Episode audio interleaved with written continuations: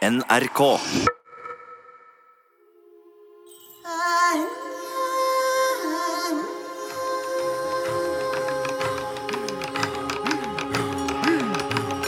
Før noen dør, sørger man på forskudd. For alt som lever, må dø. Man sørger helt fra det øyeblikket noen blir født. Til og med Gud er rammet av evig sorg, fordi han ofret det han elsket høyest. Og nå lar han det gå utover menneskene. Livet er Guds hevn over den ulykken han nedkalte over seg selv.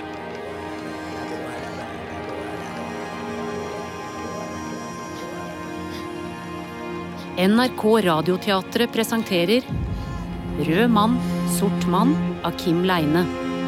En dramaserie i åtte episoder.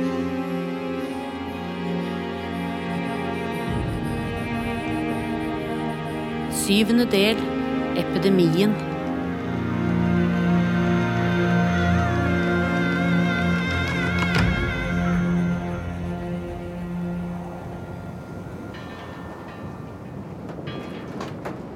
Neste gang jeg oppsøkte åndemaneren, gikk jeg mer listig frem. Jeg ville ikke gå direkte i konfrontasjon med han om hans eventuelle besvangring av jomfru Titia, og om det stemte at han hadde to sønner. Jeg spurte han om hvordan det gikk med Fredrik Christian, for å få ham på glid.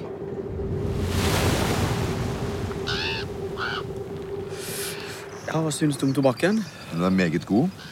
Takk. Mm, vær så god. Men øhm, det med fedre og sønner er ikke så like til som man skulle tro. Abraham og Isak i bibelen din. Ja, Det er vel din bibel også, om du skal døpes. Ja, bevares. Vår bibel. Den historien er fæl, men den er meget interessant. Ja. Egede skriver mye om dette, med at Abraham faktisk var villig til å ofre sin sønn for Gud. Mm. Men husk at han ofret sin sønn til Gud selv ved å sende ham til presteskolen i København. Og Nils mistet han kjærligheten til pga. sin prestegjerning her på Grønland. Men eh, hva med deg selv? Hvor mange sønner har du mistet? Til Gud? Jeg vet ikke helt.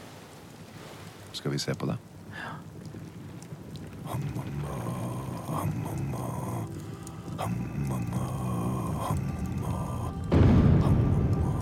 Stille, stille sjøen som en silkeduk.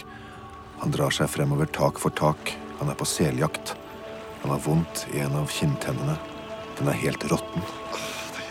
Han skyter en sel. Han er en dyktig jeger, papa.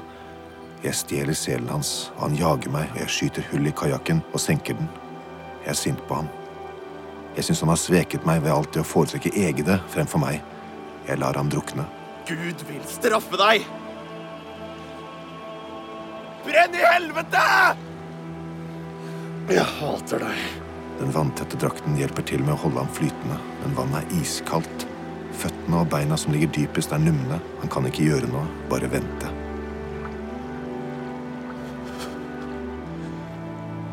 Fader vår, du som er i himmelen. God natt. Han kaver desperat med armer og bein, men får vann i munnen, vann inn under drakten, får vann over hodet. Så tar havets åndedrag tak i ham, løfter ham langsomt opp og legger ham ned på den steinete stranden. Han ligger og hiver etter pusten.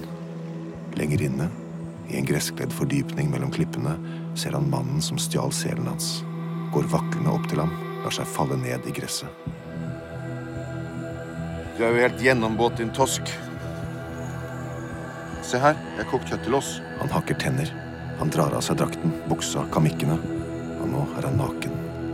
Setter seg helt inntil bålet. Varmen får ham til å puste roligere. Jeg kaster et ribbeinstykke bort til ham. Spis nå, før det blir kaldt.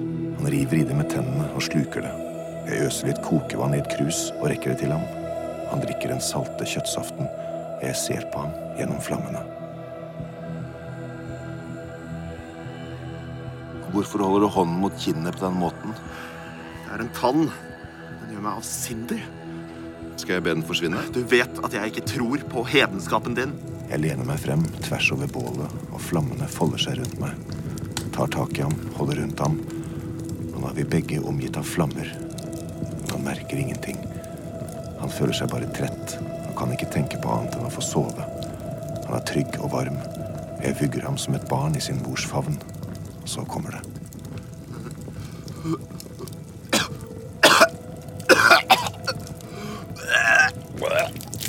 Så knuger jeg ham inntil meg, inn i søvnen. Han sover lenge.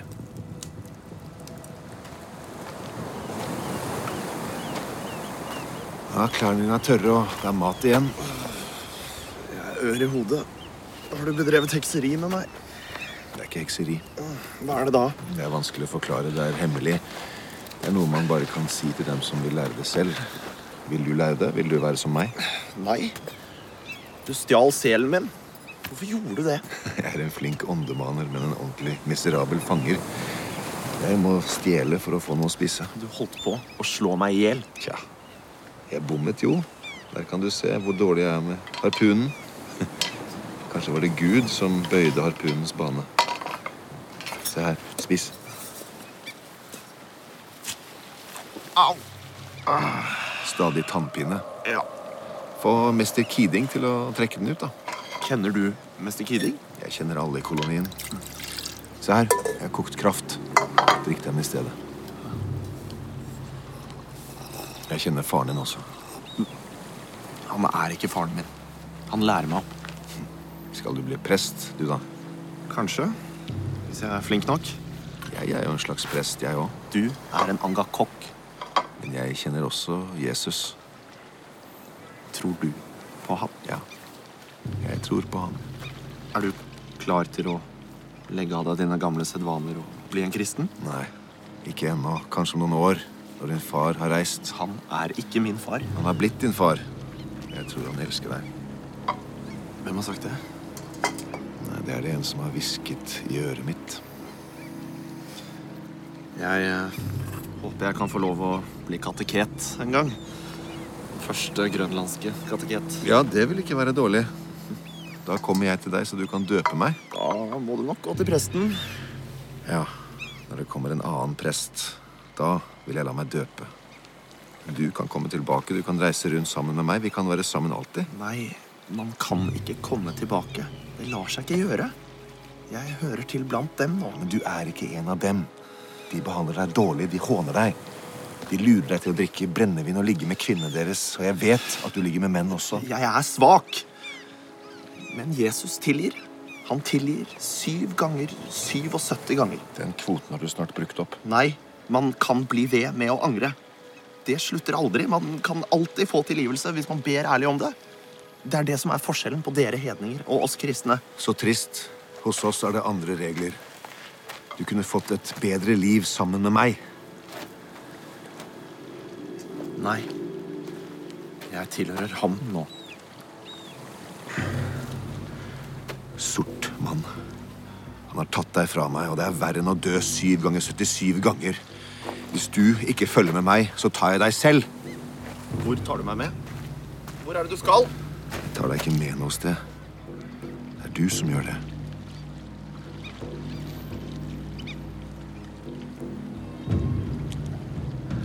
Stille. Stille. Tåken er som silke.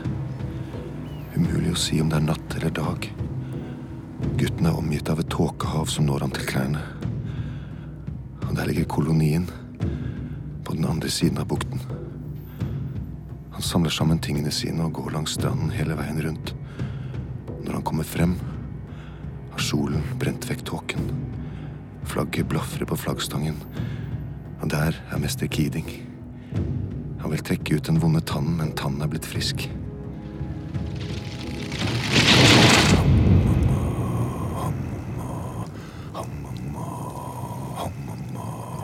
Så Så dette var et slags endelig oppgjør? Ja, kanskje man kan si det sånn. Men hva skjedde videre med Fredrik Med, eh, med papa? Må hvile nå. Men les om Jokumsen og Knut.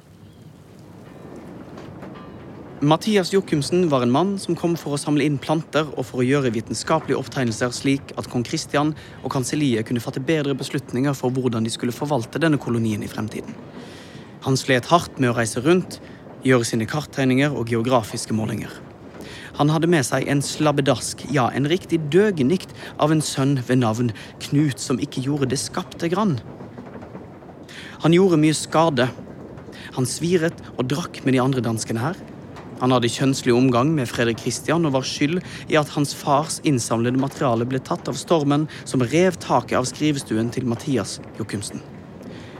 Jokumsen selv skriver at han mistenkte Knut for å ha skåret halsen over på Fredrik Kristian utenfor stallen, hvor de som regel møttes i hemmelighet når de var drukne. Litt utpå dagen finner snekkeren Fredrik Kristian.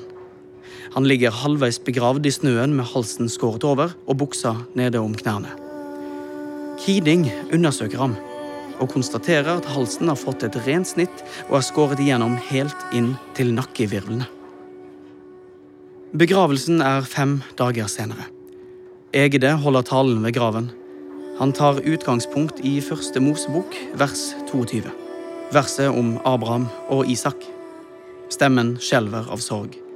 Madam Gjertrud strigråter. Sønnen til Jokumsen er ikke til stede. Fredrik Kristians død er et mysterium. Det er også Knuts forsvinning. Ifølge Jokumsen forsvant Knut på en fjelltur, og ingen har sett ham siden. Jokumsen ga opp hele prosjektet sitt og reiste lette tilbake til Danmark og ble der. Til tross for Jokumsens ulykksalige opphold her, bestemte kong Kristian seg for å satse videre på utviklingen av kolonien. Med byggmateriale, soldater og proviant. Samfunnet her vokste. Kongen sendte til Egedes fortvilelse flere tyske pietister hit. De meget selvoppofrende og strenge hernhutene. De bygget en egen landsby, og der Der var det orden på styre og stell.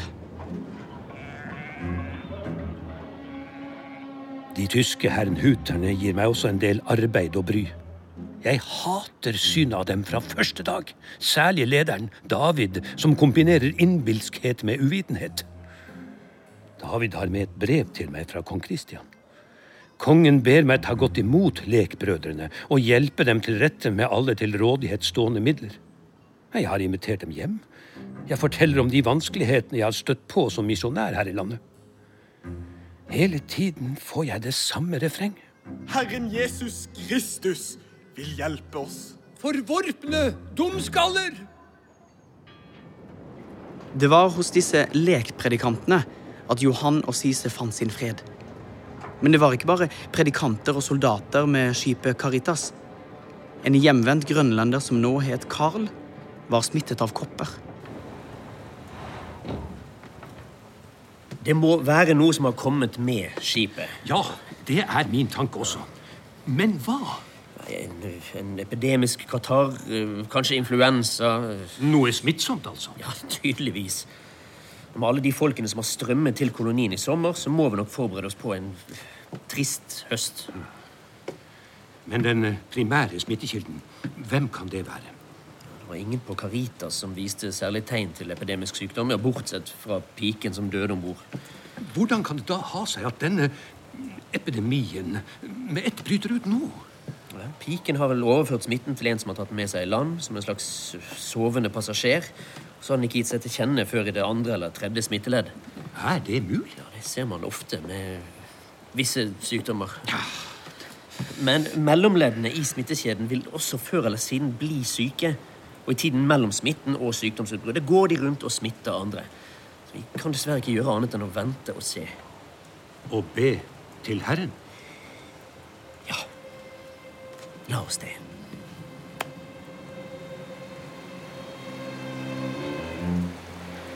I begynnelsen av september stiger dødstallet dramatisk. Det er mange som har eksem og røde blemmer som brister og flyter med puss etter noen timer. Så får de syke blodsprengte øyne, spontane blødninger fra øyne, nese, munn og kjønnsorganer. Blemmer som sprer seg over hele kroppen, fulgt av indre blødninger som gir seg til kjenne ved oppblåste maver, blek hud, bevisstløshet og død. Egil vil fortsatt ikke høre snakk om kopper. Han blir rasende hvis han hører noen så mye som hviske over. Her er det ingen kopper. Nei vel, så vasker jeg mine hender. Hvis det nå skulle vise seg å være kopper. Ja. Hvem mener du det er som har brakt disse koppene til kolonien, mester Keating? Jeg er ikke i tvil. Det er gutten Carl. Han har nok hatt det med seg helt fra Danmark, hvor også piken ble smittet. Men han har jo ikke vært syk. Han har vært konstant på fylla, nesten. Det har vel sløret sykdommen hos ham. Ja, du sier noe. Han har vært viden omkring. Ja. Han har vært den fullkomne smittesprederen. Jeg hadde vanskelig for å se dette for meg, og så kom jeg i tanke om at Nils må jo ha vært her på den tiden og overlevet. Det var den aller tyngste tiden noensinne her oppe. Den 4. september dør gutten Carl. Han blir kastet i en fellesgrav, og nå koker farsotten. Folk er oppskremt. Det går rykter om en forbannelse, både blant danskene og grønlenderne. Det har vært en naken mann her. Han har gått rundt og blåst på husene. Far og jeg drar på visitas rundt i distriktet. Vi vasser i døde som får ligge som de har falt. Det flyter med lik i fjorden. Det verste var å komme til en boplass, krabbe inn i huset. Fordi det alltid var ett eller flere barn halvveis i livet. Alene og gispende mellom de spastiske, forvridde likene. Ni av ti syke dør. Og de som ikke blir syke, er utsatt for mistanken om hekseri. De blir myrdet eller velger å drukne seg. På øyene i skjærgården stabber barn alene rundt og gråter fortapt. De smyger seg inntil de døde mødrene sine, suger desperat på brystene deres. Telt med familier som er døde, settes fyr på, brennes. Innfødte reiser vekk fra distriktet så langt som mulig, og smitten den reiser sammen med dem. Hvem er det som gjør dette mot oss? Er det Gud eller djevelen? Guds vrede er over dere. Han er sint fordi dere ikke har villet høre på hans budskap og la dere rettlede av det. Dere lever i hor og utukt og lidderlighet. Men hvorfor blir Gud sint på oss først nå? Vi har jo alltid levd på den måten. Fordi dere har hørt budskapet nå. Dere har hatt muligheten til å velge den gode veien eller den onde. Og dere har valgt den onde veien. Derfor er Gud sint. Hjelp oss, Palasi! Gå i forbønn for oss! Så kom til meg. Følg med meg. Jeg vil frelse dere. Men da må dere legge av dere alt det gamle. Avsverge troskapen til trollmennene og til den gamle troen. Ja, ja, alt! Hva som helst! Takk. Takk, Herre. Nils, føler du ondskapen her? Nei, jeg er ikke sikker. Noe er det her. La oss gå inn og se om noen lever der inne.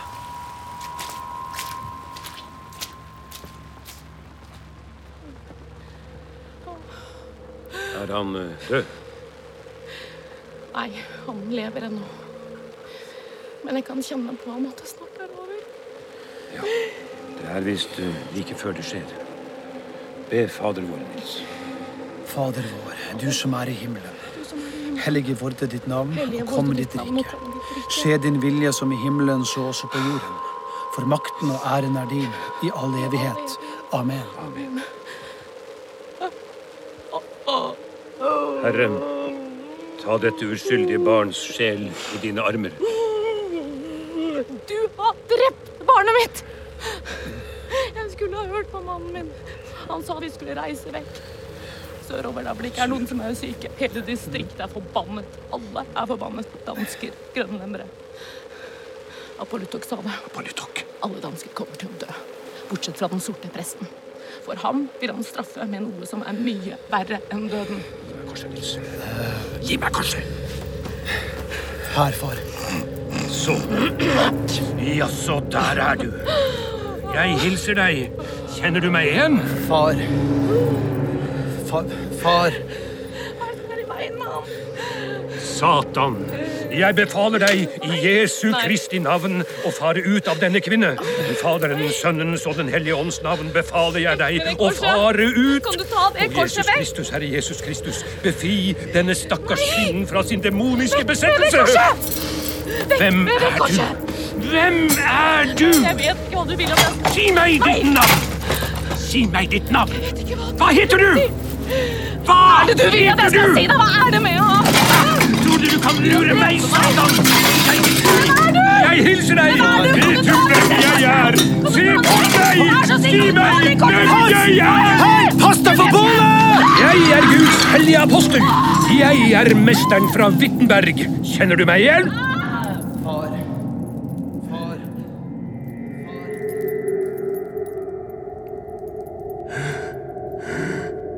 Du er Satan. Tal til meg. Mester Luther. Ja. Jaså, er det deg? Ja. Det er lenge siden. Det må ha vært et par hundre år. Ja. Jeg tror det var en søndag. Den gangen så ga jeg deg et spark i ræva. Ja. Det sparket kjenner jeg nå. Det gjorde faen meg vondt. Jeg kan sparke deg igjen. Jeg er ikke redd deg. Åhåhå. Det er du. Du er redd meg, for jeg kjenner deg. Husk det. Jeg kjenner svakhetene dine, mester. Jeg vet hva du har gjort. Ikke noe utenomsnakk her. Jeg skal nok få banket deg ut av den stakkars kvinnen. Hun er min. Min, min. Oh, ja. Bort med deg! Oh, Bort! faen meg, for en grobian du er. Det har du alltid vært. Du og alltid snakke om piss og lort. Du, la være å fekte sånn med det korset. Du holder på å treffe meg i øyet. Herre Jesus, du allmektige, frels oss fra det vonde. For riket er ditt, makten og æren i evighet. Stopp, stopp! La oss nå snakke stille og rolig sammen. Kan ikke vi gjøre en handel som sist? Her skal ikke snakkes eller gjøres handler. Far ut i Jesu Du blir navn! nødt til å gjøre en handel med meg, enten du vil eller ikke. Jeg hører ikke hva du sier. Gå bort i Jesu navn, sier jeg. Du vet jo at jeg kjenner til dine små hemmeligheter. Hva? Jeg vet hva du gjorde med gutten. Med Fredrik Christian. Ti stille, Satan! Jeg vet nøyaktig hva du gjorde. Jeg kan la et ord falle, så det kommer ut. Er det det du vil? Fader vår, du som er i himmelen. Helliget vorde ditt navn, komme ditt rike. Bønner hjelper deg ikke, mester Luther. Min far, din Gud, vil ikke høre på deg. Han vet jo også hva du gjorde. Og han overlater denne saken til meg. Har han sagt det? Gå til Egede, sa han. Straff ham for det han gjorde med gutten. Jeg lar deg få ham. Han er din. Jeg er fortapt. Jeg er fortapt. Herre, Herre, forbarm deg over meg, en synder. Tilgi meg, tilgi meg, Herre, tilgi meg. du, så ille er det vel ikke? Mm. Noen blir frelst, noen går tapt, sånn var regnskapet. Det er en handel jeg gjorde med min far for lenge siden, men du, mester, du føler deg altså hevet over å gjøre handel med meg. Hvem er du som kan heve deg opp på denne måten? Hvem tror du at du er? Hva? Hva er det du vil ha av meg? Å, du vet så godt hva jeg vil ha av deg. Kvinnen? Du sa det. Nå kan du ikke ta det i deg igjen. Så ta henne, da. Ta henne. Bare ta henne. Bort med deg, Satan. I Herren Jesu navn. Farvel, prest. Og på gjensyn. Far. Hun blør. Hun er forbrent. Vi får heller se å komme oss av gårde. Vi har ikke mer å gjøre her. Skal vi bare gå fra henne i den tilstanden? Skal vi ikke ta henne med oss? Nei, hun er fortapt. Jeg kunne ikke redde henne. Men sønnen fikk vi da i det minste. Vi må se å få ham jordet. Nesten hele Grønland ble utslettet av koppeepidemien. En forferdelig historie. Helt forferdelig. Og samtidig som jeg lærer om det, spørsmålet om hvem som er, eller var min far, gnager i mitt hjerte og hjerne. Hver gang jeg tror jeg har sannheten fast, smuldrer den opp i, i tvil. Jeg forsøker å ikke være så opptatt av det, slik som Nils råder meg til, men det minner meg om det som Pors skrev. Det er som å slå en dyne, det unnslipper, det glir unna. Jeg vil vite det.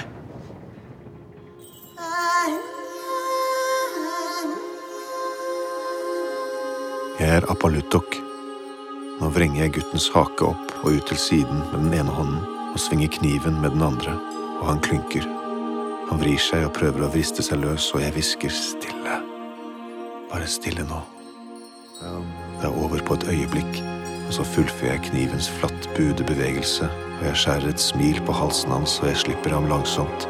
Han spreller litt, men så blir han tung og rolig, og han synker ned i snøen som suger opp blodet hans, og han er død. Evig eies kun det tapte.